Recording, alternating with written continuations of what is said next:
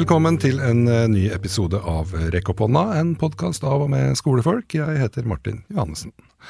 Fremskrittet kommer ikke av seg sjøl, det trengs modige folk som tør ta kampen for at ting skal bli bedre for alle. Og ofte så hører vi om djerve menn, men det er selvfølgelig mange damer som er minst like tøffe. Willy Ågre er professor emeritus ved Universitetet i Sørøst-Norge, studiested Vestfold, eller Bakkenteigen som vi liker å si, vi som bor eh, rett i nærheten.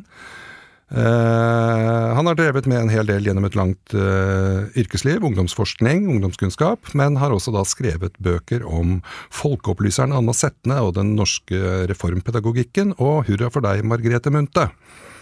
Og nå så er det en uh, ny bok på gang, denne gangen om Anna Rogstad. Velkommen, Willy. Takk for det. Du, du har sagt en gang at jeg helt sikkert veit hvem Anna Rogstad er, bare at jeg ikke husker det. Mm. Hvordan henger det sammen?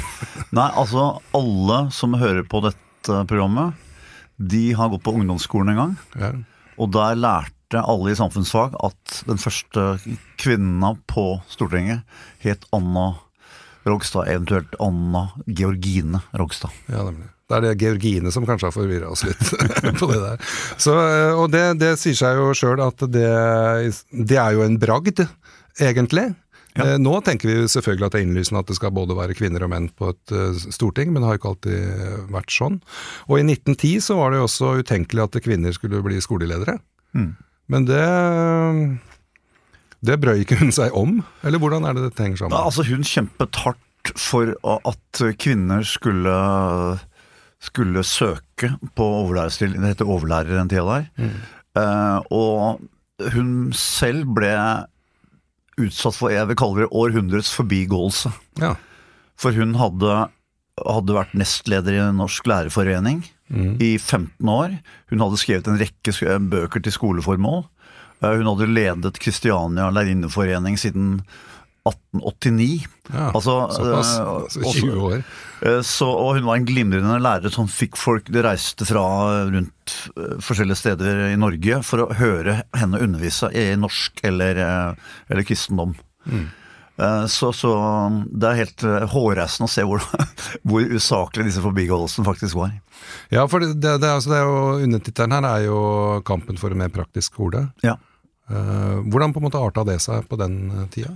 Nei, altså Folkeskoleloven eh, fra 1889, som, som eh, skolen da bygget på, den var jo egentlig progressiv, for den var mye mer praktisk. Altså Tegnefaget kom inn i bildet da, så den var sløyd var på plass osv. Men altså læreren har jo en stygg tendens til å ville preike veldig mye. Ja, Og Anna Setne, som jeg nevnte også, hun kalte det prekesyken. Eh, Prekesyken, ja. ja. Syns jeg er et veldig godt ord. Jeg skal jammen skrive ned. ja, ikke sant. Eh, og, men det som var hennes store bragd da i skolehistorien, eh, Anna Rogstad altså, det var å sørge for at jentene fikk rett til det som senere ble kalt framhaldsskolen, eller fortsettelsesskolen. Altså jentene var, Det var rene jenteklasser og gutteklasser på den tida der. Eh, og jentene var da 13,5 eller 14 år da de gikk uh, ut av folkeskolen og, og rett ut i arbeidslivet. Ja. Og ganske utsatte uh, tjenestejenter uh, og, og sypiker osv. Uh, og hun ville at de skal ha en bedre allmennutdanning, så hun laget, sammen med andre idealistiske lærerinner, frivillig skole for et kull fra Grünerløkka skole, mm. som da gikk et år på tre timer hver dag. Eh, og altså de, de fikk en liten slump penger fra kommunen, men uh, underviste da eh, uten betaling helt fram til det ble Fortsettelsesskolen ble uh, altså anerkjent og, og etter, altså kom under kommunens vinge. Ja. Ja. ja, med et ordentlig opplegg med lærere med lønn og sånn. Ja, og det som var situasjonen i 1899, så hadde jo, fikk jo gutta i, Kristiania eh, en framhaldsskole, eller en fortsettelsesskole, som var praktisk rettet, ikke sant. Eh, Men jentene fikk ikke noe. Nei. Og det var da hun gjorde den idealistiske, tok det idealistiske grepet, at hun mm. trommet sammen andre Grünerløkk, eh, Grünerløkka-lærerinner og andre fra andre skoler. Og kan ikke vi nå ta et krafttak for å få ett år til på jentene? Det har de veldig godt av. Og da får det mye mer også praktisk eh, handelsfag kan det være. Eller kan være også husstell. Det er, er også et fag, ikke sant? Eh, Men jeg tenker Her er det på en måte to typer sånn, hva skal jeg si, kvinnesyn som, som, som krasjer. Det ene er at Anna Rogstad og hennes gjeng ønska at eh, kvinnene skulle ha mer utdanning for, for å kunne bli mer selvstendig, Ja. kan man tenke seg. Og Ja. på den andre sida så var det sånn Hvorfor skal vi bruke penger på kvinner? Skal ikke kvinner bare uh, enten eh, være tjener eller kone? ja, ja, Og det, ja. Det, er merkelig. det er jo ikke så lenge nei. at det var vanlig å tenke.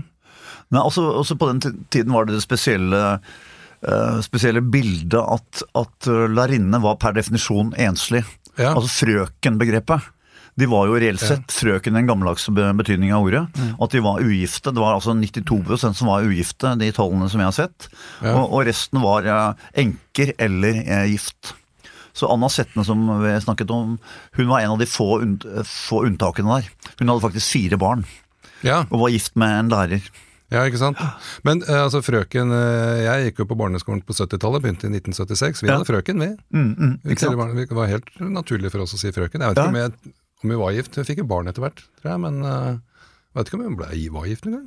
Nei, men det var det det hang igjen fra den der hvor, hvor eh, det var frøken, stort sett. Men du, altså du skriver om altså Margrethe Munthe, Anna Setne, Anna Rogstad, kraftfulle damer. Hva er fascinasjonen for damer, eh, eller akkurat disse damene, hvor kommer den fra? Ja, altså Margrethe Munthe som jeg begynte med, jeg hadde jo ikke noe sånn masterplan at i 2005 at nå skal jeg lage tre bøker om eh, kjente kvinner. Nei. Men det er den ene som har brakt meg til den andre. da. Ja, og, og min, det, det satt i ryggmargen på meg. Det er en der, jeg kan kalle det mitt musikalske morsmål. Det var hentet fra Margrethe Munthe. Min storesøster tolv år eldre. Hun sang det for meg mye. Ja. Ja. Og de, disse, disse bøkene som ble slått sammen, eh, altså etablert på 30-tallet med nydelige tegninger, var veldig fantasieggende. Så både kombinasjonen av fine melodier, eh, flotte tekster, eh, og de bildene som disse illustrasjonene skapte Men så, samtidig så har jo også Margrethe Munthe fått den derre en sånn Tante Sofie-rolle, da. Ja. Eh, Ikke sant? Nei, nei, gutt, dette må bli slutt. Men hun sang jo 'Hurra for deg sant? Ja, er- jeg snører min sekk. ja, Ja. det er utrolig mye mer, da. Og jeg strever så med mine små du, osv. Så, videre. Ja. så det er noe som eh, Til og med folk som da vil Jeg hadde ikke trodd det om deg, at du skulle sk skrive om hurpa der, liksom. Men så, så påviste jeg da at hvis man skal kalle noe Man må ikke være historieløs heller. Nei. Eh, så skal kalle noe for moraliserende, så er det kanskje 20 sanger av 140. Ja. Som jeg fant ut da at hun har laget tekster. Hun har laget eventyrkomedier, og Ja, ja. hun oversatte Pinocchio-historien Pinocchio, eh, historien til norsk osv. Ja, ikke sant? Og det er jo Da gjorde hun en, sikkert en mye bedre jobb enn det Disney gjorde med sin versjon, for å si det forsiktig. Mm. Så det er gøy. Men altså, Rogstad hun har noen ideer om den ordnede frihet. Hva Ja, det? det syns jeg er et interessant begrep. Altså, altså hennes begrep altså, altså, selvdisiplin og kultur. Det er selvdisiplin og kultur de skal lære seg. Så hun var veldig knallhard mot den derre militærdisiplinen som hun så mye rundt seg, eh, og som hun kjempet imot og sa at, eh, at de skal selv De skal sty lære å styre seg selv. Mm. Og det, det tar tid. Ja. Ikke sant? Og den tålmodigheten skal man ha. Mm. Eh, og så skrev hun jo en rekke bøker om hvordan undervise norsk på en god måte, og var veldig tidlig ut på, på De skal ut i samfunnet, de skal spasere i gatene hvis det er bybarn det er snakk om, og bli kjent med Der er, en, der er kirken, der er politistasjonen, der er skolen, der er elva osv. Mm. Og, og, og undersøke det og finne ut av det. Men tok hun med elevene ut, da? Ja, ja. ja. Og så bygget norskundervisningen eh, på Torvald Meyers gate, liksom. Ja. Eh, eh, og og de, de institusjo- institusjonene som, som var der, da. Ja. Eh, og så skulle de skrive om det etterpå. Mm. Eh, Så du var ute og oppleve og Ja. høre og få informasjon, og så bearbeide ja, det? og så snakke om det, eh, og tenke gjennom det, og skrive om det. Mm. For, for henne hang det sammen. Da skulle man være der ute. Det Er det høres jo ut som en veldig sånn deilig norskundervisning å ha, tenker jeg, som, som skoleelev. Ja, ja, ja. Men har noen av, altså hun satt jo så praktisk, den her ordnede friheten Har vi noe av det hun på en måte var en uh, inspirator og impuls til, igjen? Ja, altså, du kan si at uh, hun sådde ideer som Anna Setne tok ut i livet på Sagene skole. Eh, og Sagene skole ble jo internasjonalt berømt. Altså Den fikk besøk, det er en gjestebok der som jeg har bladd i. Besøk fra alle verdens hjørner. For deres radikale og skal vi se, opplevelsesnære eh, pedagogikk, hvor barnas interesse var en viktig drivkraft. Og hvor en klasse eh, endte med å, å lage en kajakk. Fordi Ja. han ble opptatt av eskimoene, liksom. Ja, det, jeg, det er jo litt sånn som jeg tenker at det kunne jeg ha skjedd på en steinerskole. Ja. Eller jeg, ja, jeg har ikke opplevd det med kajakk, men jeg har- gjort mye annet rart. det er gøy. Men altså, hun var jo en, en um, kvinnesakskvinne.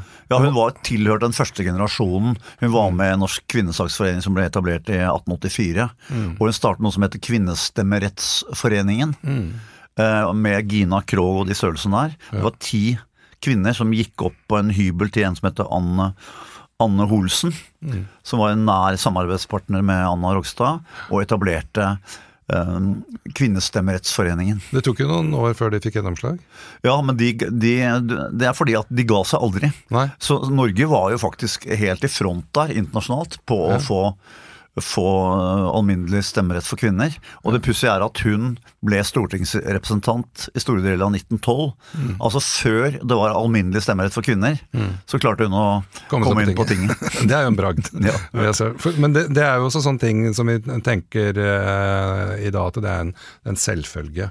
At Mm. eh, selvfølgelig har kvinner alminnelig stemmerett, skulle bare mangle. Det var veldig rart hvis de ikke hadde det. Men sånn har det jo ikke alltid vært. Og det er jo takket være eh, damer som Rogstad og hennes Ja, eh, absolutt. gjeng. Er det noen, på en måte noen sånn andre det er jo, det er jo helt, Hun har vært skoleleder når ingen andre var det.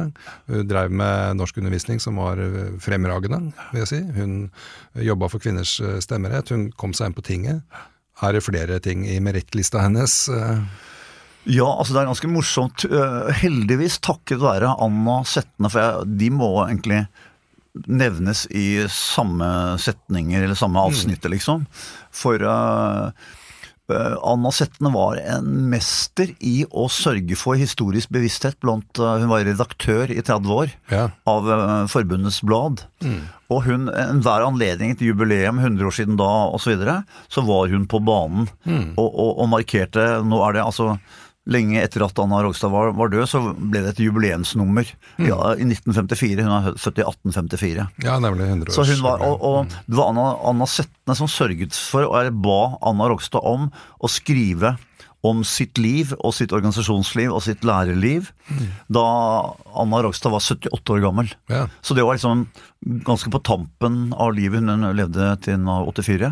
Men uten det, altså som forfatter, da, uten den fantastiske gleden i skildringen av mye som skjedde der, Mm. så hadde ikke boka blitt så skal jeg si, levende og frisk som den jeg håper at den blir vurdert til å være. Ja. Og da nevner hun blant annet at hun var en sånn friluftspioner også. Mm. Så hun var medlem av Trondheim, Trondheim, som det da heter, turistforening på 1870-tallet. Hun bodde hun der i 12 år. Uh, og da var det nesten ingen kvinner som, som uh, gikk på ski eller, eller Men de gjorde ikke det heller, nei. Gikk, uh, gikk, nei, Hva sant? gjorde damene? Skulle de bare være hjemme og lage mat til mannen? Ja, ikke sant, og litt sånn? Ja. Nei, så, og hun, hun vokste opp ved, ved Oddnes ved Randsfjorden, og der, altså etter hvert så ble Norges største hoppbakke bygget der, i, i disse bratte linene der, og der lærte hun å stå på ski. Ja. Og, og da søstera, som var en god på ski, forteller hun, hun, hun bremset som de fleste gjorde med den ene staven de hadde, ikke sant? Ja.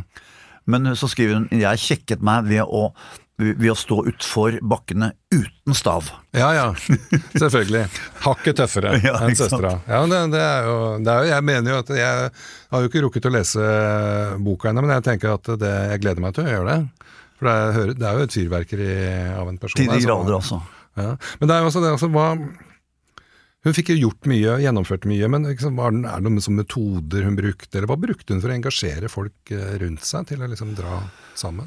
Altså, jeg Det har jeg ikke noe direkte kilde på, men øh, jeg tror, jeg har grunn til å tro, at hun var en glimrende forteller. Hun var vokst opp ved Randsfjorden. Der var Olav Tryggvason født, fikk hun høre av sin far. Altså Det var mye historier, og hun sugde det til seg. Eh, og eh, etter at hun ble pensjonist, så gjorde hun det mesterstykket. Eh, å skrive 26 biografiske tekster, Oi. fordelt på fire hefter. Ja. Eh, av, det var 11, 11 kvinner og 15 menn. Altså om Nansen, om eh, Grieg, om en del kvinnelige gründere. Om eh, la oss si Trone Holst, som var direktør for Freia. Eh, og, og altså Borregaard-direktøren, som var faktisk veldig i front når det gjelder arbeidsmiljø og til eh, velferd for arbeiderne. arbeiderne. Så det var helt bevisst. Dette var jo skrevet for skal vi si, eh, framhaldsskoleelever. Eh, og jeg tror hun ville bevisstgjøre sine elever om at dette er mulig. Ikke sant? Hvis, du skal vite om dette når du ser på ditt eget arbeidsmiljø, liksom. Og så, så jeg, jeg tenker Hennes idé var at jeg ser hvor glad ungene er i, gode fortellinger om interessante personer, som jo selvfølgelig eh, Nansen var, og, Ja. og mange av disse gründerne, kvinnene som de hørte om. Eh, og da vil jeg skrive tekster om dem til uh, bruk i den aldersgruppa der. Ja, Det var litt sånn som han godeste Leo Tolstoy også holdt på med i sitt skoleprosjekt ute på godset sitt. Altså lage ABC-er, da. Ja, ja, ja. Som skulle være bra for bondebarna. og ja. ja, litt samme Så er jeg litt i, i den sjangeren der. For det er jo på en måte Hvis man ser på skolen nå, da, så vi, vi har jo mange lærebøker og sånt, som egentlig forlagene lager. da. ja, ja. Eh, De er nødvendigvis ikke så innmari gode, alle disse bøkene. Du har f.eks. en mattebok, så har du et oppslag i en mattebok, så er det masse tekst, det er bilder og sånt, og så er det hva, hva, skal jeg gjøre nå, tenker eleven. Jo, du skal gå til frosken oppi hjørnet, han sier hva du skal gjøre, liksom. Hvorfor sier den frosken hva jeg skal gjøre? Og så er det korte sånn utdrag av ting, hvis du kommer til sånn type norsk og samfunnsfag og KRLE-bøker. Det, er sånn, det er bare litt. Ja. Man kommer jo aldri inn på Jeg, jeg tenker at en sånn Biografiarbeid med altså, folk på ungdomstrinnet videregående tenker jeg er kjempelurt å Ja, gjøre. For det er jo en identitet i utvikling som trenger noen forbilder og ser noen muligheter, da, sånn som hun gjorde. At dette her er en mulighet. Ja. Ser du den, liksom? ja. Å presentere det er jo veldig flott. Og så Det som er interessant også, det er at altså, hun skriver også om uh, um, Anders Behr Wilse, den store fotografkongen, ikke sant, som hadde en vanvittig journalistisk eh, teft. Så han var, dro hjem til henne og tok bilde av- henne i 1909, da hun kunne, eller kanskje kunne, komme på tinget Ja. i løpet av den neste stortingsperioden fra 1910. Ja, nemlig. Eh, og hun, eh, hun da intervjuet Wilse. Ja. Og de- den, det er så levende og nært, og den, det siteres fra Anna Rogstads tekst om, om Vilse stadig i dag. ja, nemlig. Så hun var god til å skrive. Ja, ja. Men hun må jo ha vært utrolig god til å balansere øh, verv og forpliktelser også. Som du sa hun hadde øh, fire barn, gift med lærer. Ja, altså i Anna Rogstad. eh, Ikke Anna Rogstad, men Anna Å Setten. ja, Anna Sette. Ja.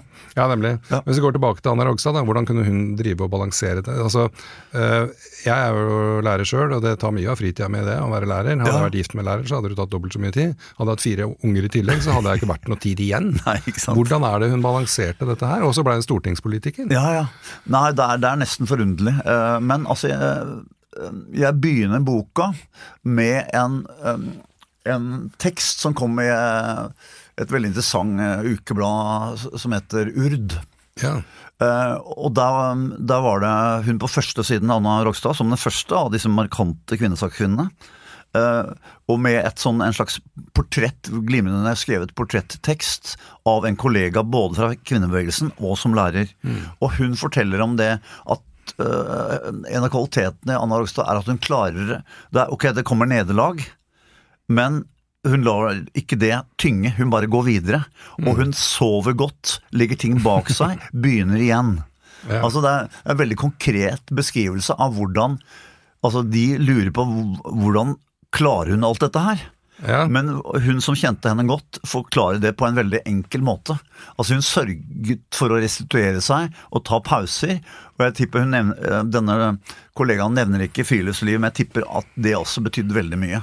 At hun klarte å koble av ved å gå turer. Ja. Og mm, besteg Hun var i øverst øverst i Vatikanene, blant annet. Eh, Det er en sånn trapp, visstnok. Jeg har ikke vært så høyt oppe sjøl. Men hun, hun var den eneste som turte å ta den siste trappen opp. Da var det mange som ga seg da hun besøkte. Så hun Ja. var veldig internasjonalt orientert også. Besøkte f.eks. Montessori i Mm. Roma i 1913. Ja, nemlig. Eh, også fascinerende ting å tenke på er at på 1880-tallet så ville hun eh, hadde hun et forslag om at nå måtte kvinnene få adgang til eh, lærerskolene, eller læreseminarene som det het. Mm. Det var bare gutta som gikk på læreseminarene. Mm. Nå er det omvendt. Ja, I hvert fall på grunnskolen. ja. Eh, og da dro hun, og da det er rart å tenke på at det var såpass nærhet til Stortinget at hun søkte eh, på vegne av eh, Kristiania Lærerinneforening osv. om å, å se på finsk lærerutdanning. Ja, I, I 1885 søkte de om det. ja. Og så dro hun dit i 1886, og- og da var det tre måneder helt aleine. Mm. Eh, det er ikke sånn altså, Nå er det kanskje en gruppe lærere for et par dager på et seminar, men da var det tre måneder. Mm. Ja. Og de pengene kom fra Stortinget, og så skrev hun en, en rapport. Eh, og den neste studieturen hennes var også tre måneder, det var eh, våren 89. Og da dro hun til Tyskland, Østerrike og Sveits Ja. for å uh, oppsøke en sveitser som hadde en ny metode på, på skal se, morsmålsundervisning. Ja. Og da Året etter kom selvfølgelig boka hennes. Ja, om dette. ja, ja. Så, ja, altså, ja det, er jo, det er jo utrolig fascinerende med, med folk som så, har så mye energi og, og si, gjennomføringskraft. Da, og gjennomføringsevne, Ja. ikke minst. Eh, Så ble det jo eh, altså eh, første hun skrev om lærerutdanning, kritisk blikk på sin egen lærerutdanning, da, var, da bodde hun her i Kristiania, eh, og kritiserte en fullstendig taushet. Altså Hvis man snakker om sånne, sånne hersketeknikker, så var det taushet hun møtte. Det var ingen som kommenterte hennes eh, gode artikkel eh, om, eh, med kritikk av sin egen lærerutdanning og lignende lærerutdanning for kvinner da, på den tida der. Men etter hvert så ble det vanskelig å eh, og du klarer ikke å stoppe kjeften på henne, liksom. Nei. Eh, Men alle, alle mulige hersketeknikker ble brukt, altså. Ja, ble brukt. Opp gjennom årene, ikke minst da de, da de brøt ut av Norges lærerforening. Mm. Eh, Kvinner og menn var jo med i den foreningen. Eh, Og så eh, ville da et mannlig, altså særlig Kristiania-lærere, de ville synes det var altfor mange kvinner i styret der. Ja, Hvordan skulle dette ende? var til og med en som skrev at ja, tenk at nå er det jo faktisk mulig at de får rent flertall. For hvis de får både formann, og så er det tre, tre kvinner og tre menn i styret, da kan de få flertall. Altså, hva, sånn, ja. Nesten sånn hva, Hvordan skal dette ende, liksom? Nei, skjønner og da klarte de å kuppe inn at det ble en veldig ulikhet i styret. Så da var de på den trygge sida. Og det fant selvfølgelig ikke ikke Anna Rogstad seg i. Nei. Så de hadde et fraksjonsmøte. Hvis dette skjer, hvis dette skjer, så, så, så det kan, kan ikke vi finne oss i. Så da, eh, da eh, fant de ut at da kommer de til å toge ut ja. av det, det landsmøtet. Mm. Og for å etablere sin egen, sitt eget forbund. Og det gjorde de fra 1912. Ja, ikke sant. Det sier jo sitt, eh, egentlig. Både på hennes eh, og de andres eh, gjennomslagsevne, men også på at det de ikke finner seg i eh, idioti. Da. Nei. Det, det tenker jeg er en god egenskap. Ja, altså selvfølgelig, Du skal være en dyktig, dyktig til å få folk med seg, for det, er jo også, det var jo en ganske skrekkslagen og ukvinnelig, eh, sett mer tradisjonelt, eh, ting å gjøre. Å bare ikke tale om, toge ut av landsmøtet og, å dra et begynne arbeidet med å etablere et forbund. Nemlig. Og de fikk jo så mye altså drittkommentarer i det, det lærebladet som fantes. Det var faktisk to læreblad, og et av dem var verre enn det andre. Ja. Uh, som er helt uh, ikke til å tro. Og jeg, jeg har flere eksempler i boka. da. Men du Willy, vi begynner å nærme oss slutten her. Men jeg tenker på, hva, hva, hva tenker du at de som leser boka di nå, først og fremst da, kanskje om, om Anna Rogstad, og kanskje særlig lærere, skoleledere som leser boka, hva er det du ønsker eller håper at de tar med seg fra hennes historie og, og bruker nå da, i skolesystemet vårt i dag? Ja, det, er, det er flere ting. Det er det at altså nettverk, samarbeid, at det er en kollektiv kraft. Hvis man vil endre noe, så må mange arbeide sammen. Og hun var, jeg vil nesten bruke ordet geni, til det å skape entusiasme i, i skal si, fagforeningsarbeidet. For hun koblet det med kultur, altså fikk vitenskapsfolk Jeg fikk Bjørnson på møter. Jeg fikk Fridtjof Nansen på møter. Er Som ville skape en slags allmenndanning. Samtidig Margrethe Munthe ble invitert, for hun hadde studert eh, formings- eh, eller tegneundervisning i Skottland og England. Da ble hun invitert som foredragsholder, eh, ledet av Anna, Anna Rogstad. Det er det ene. Det andre er at altså det synet på barn Sansen for hva som engasjerer barn, ikke minst fortellinger, eh, er noe å lære av henne. Eh, og jeg tenker leve et sånn godt balansert liv, hvor du sørger for å ha pauser eh, og gjøre helt andre ting enn akkurat det, det som er skolemessig motivert. da. Ja. Det et, som, eh, et sånt veldig godt eksempel på at du, du må koble, du må kutte ut. Du må ta deg pauser og gjøre helt andre ting. Ja. Og da er, så er det tilbake på sporet igjen eh, en uke etterpå eller neste dag eller Det syns jeg er fantastisk ja. godt råd, eh, å flette inn noen pauser i en ganske hektisk eh, hverdag, rett og slett. Eh, tusen takk, Willy Ågre, for at du skriver bøker om bra damer. Det er veldig gøy å være her. Og takk for at du hørte på Rekk opp hånda. Vi høres.